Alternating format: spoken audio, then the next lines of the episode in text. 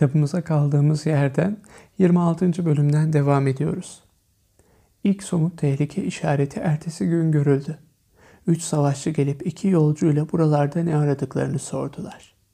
Ben Şahinimle avlanmaya geldim dedi simyacı. Sizi aramamız gerek. Bakalım silahınız var mı diye konuştu savaşçılardan biri. Simyacı atından ağır ağır indi. Arkadaşı da onun gibi yaptı. Neden yanınızda bu kadar para var diye sordu delikanlının para kesesini gören savaşçı. Mısır'a gitmek için diye yanıtladı delikanlı. Simyacıyı arayan savaşçı sıvıyla dolu bir kristal şişe ve tavuk yumurtasından biraz daha büyük sarı renkli camdan bir yumurta buldu. Bu ne diye sordu savaşçı. Felsefe taşı ile ebedi hayat iksiri. Simyacıların büyük yapıtı. Bu iksirden içen kimse kesinlikle hasta olmaz ve bu taşın küçük bir parçası herhangi bir madeni altına çevirir. Üç savaşçı kahkahayla güldüler. Simyacı da onlarla birlikte güldü. Yanıtı çok eğlenceli bulmuşlardı.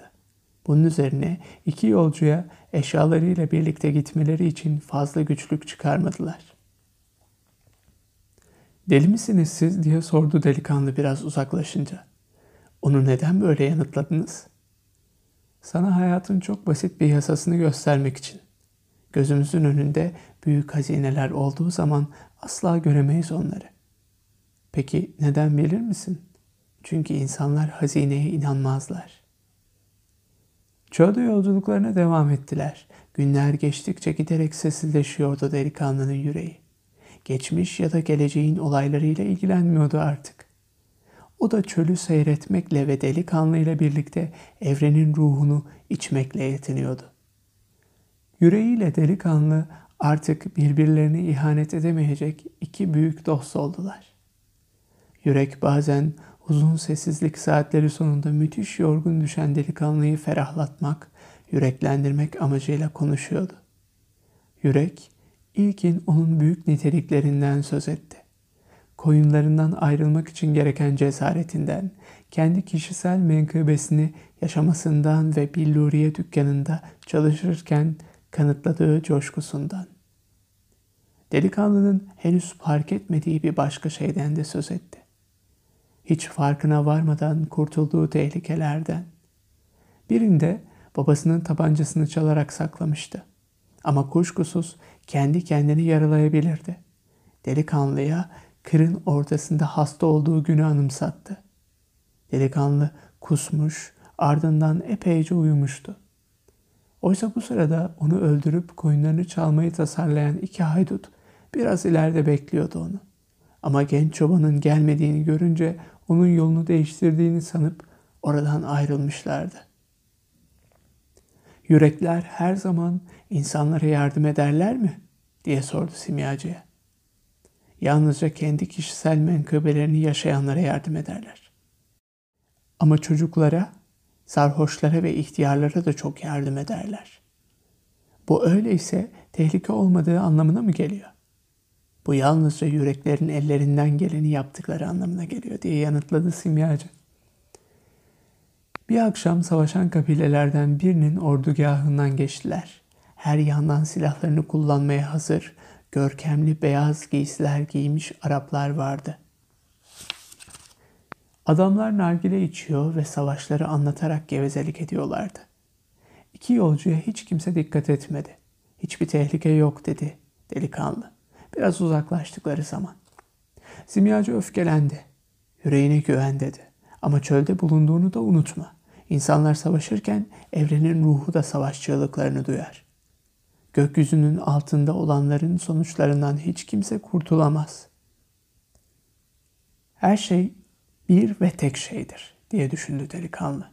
Ve çöl sanki simyacının haklı olduğunu kanıtlamak istermiş gibi Yolcuların arkasından birden iki atlı ortaya çıktı. Daha ileriye gidemezsiniz dedi biri. Şu anda savaş bölgesinde bulunuyorsunuz. Çok uzağa gitmiyorum dedi simyacı. Atlıların gözlerinin içine bakarak. Atlılar bir süre hiçbir şey söylemediler. Sonra yolcuların yollarına gitmelerine izin verdiler. Delikanlı olanları hayranlık içinde seyretmişti. Adamlara bakışınızla boynunu eğdirdiniz dedi.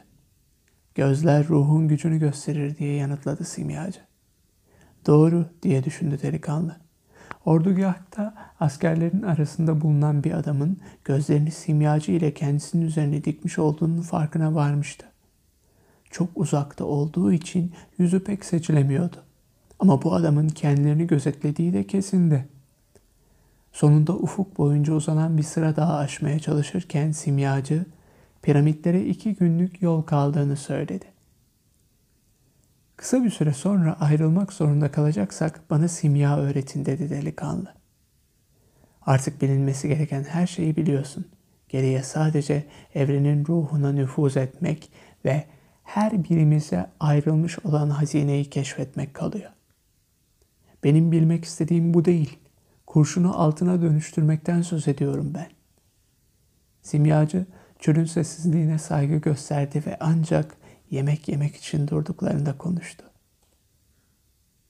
Evrende her şey evrim geçirir ve bilenler için en çok evrim geçirmiş madendir altın. Bana niçin olduğunu sorma. Bilmiyorum. Yalnızca şunu biliyorum. Geleneğin öğrettikleri her zaman doğrudur.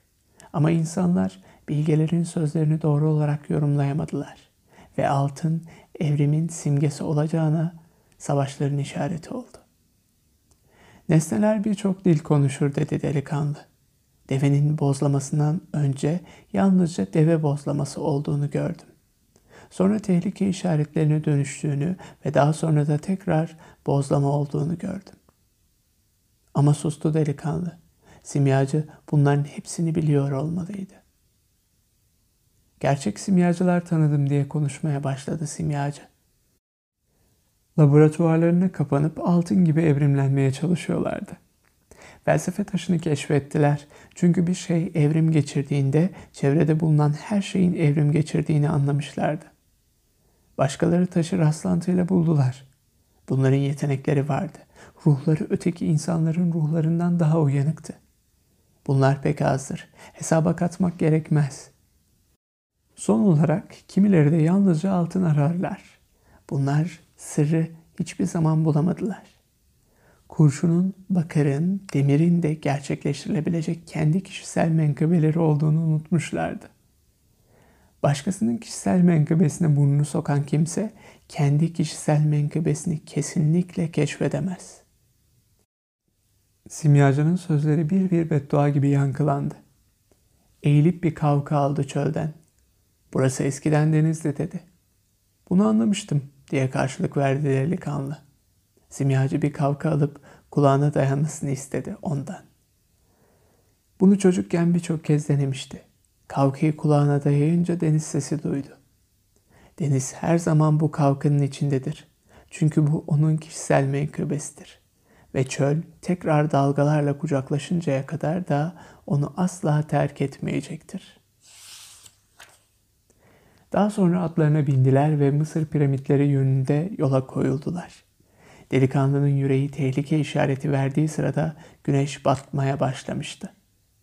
Çevrelerinde yüksek kumullar vardı ve delikanlı simyacıya baktı. Ama simyacı besbelli hiçbir şey fark etmemişti. Beş dakika sonra karartıları tan yerine düşen iki atlı gördü. Delikanlı daha ağzını açıp simyacıya bir şey söylemeden iki atlı önce on sonra yüz atlı oldu. En sonunda da bütün kumullar atlılarla doldu. Savaşçılar mavi giyinmişti. Türbanlarının çevresinde üçlü bir halka vardı.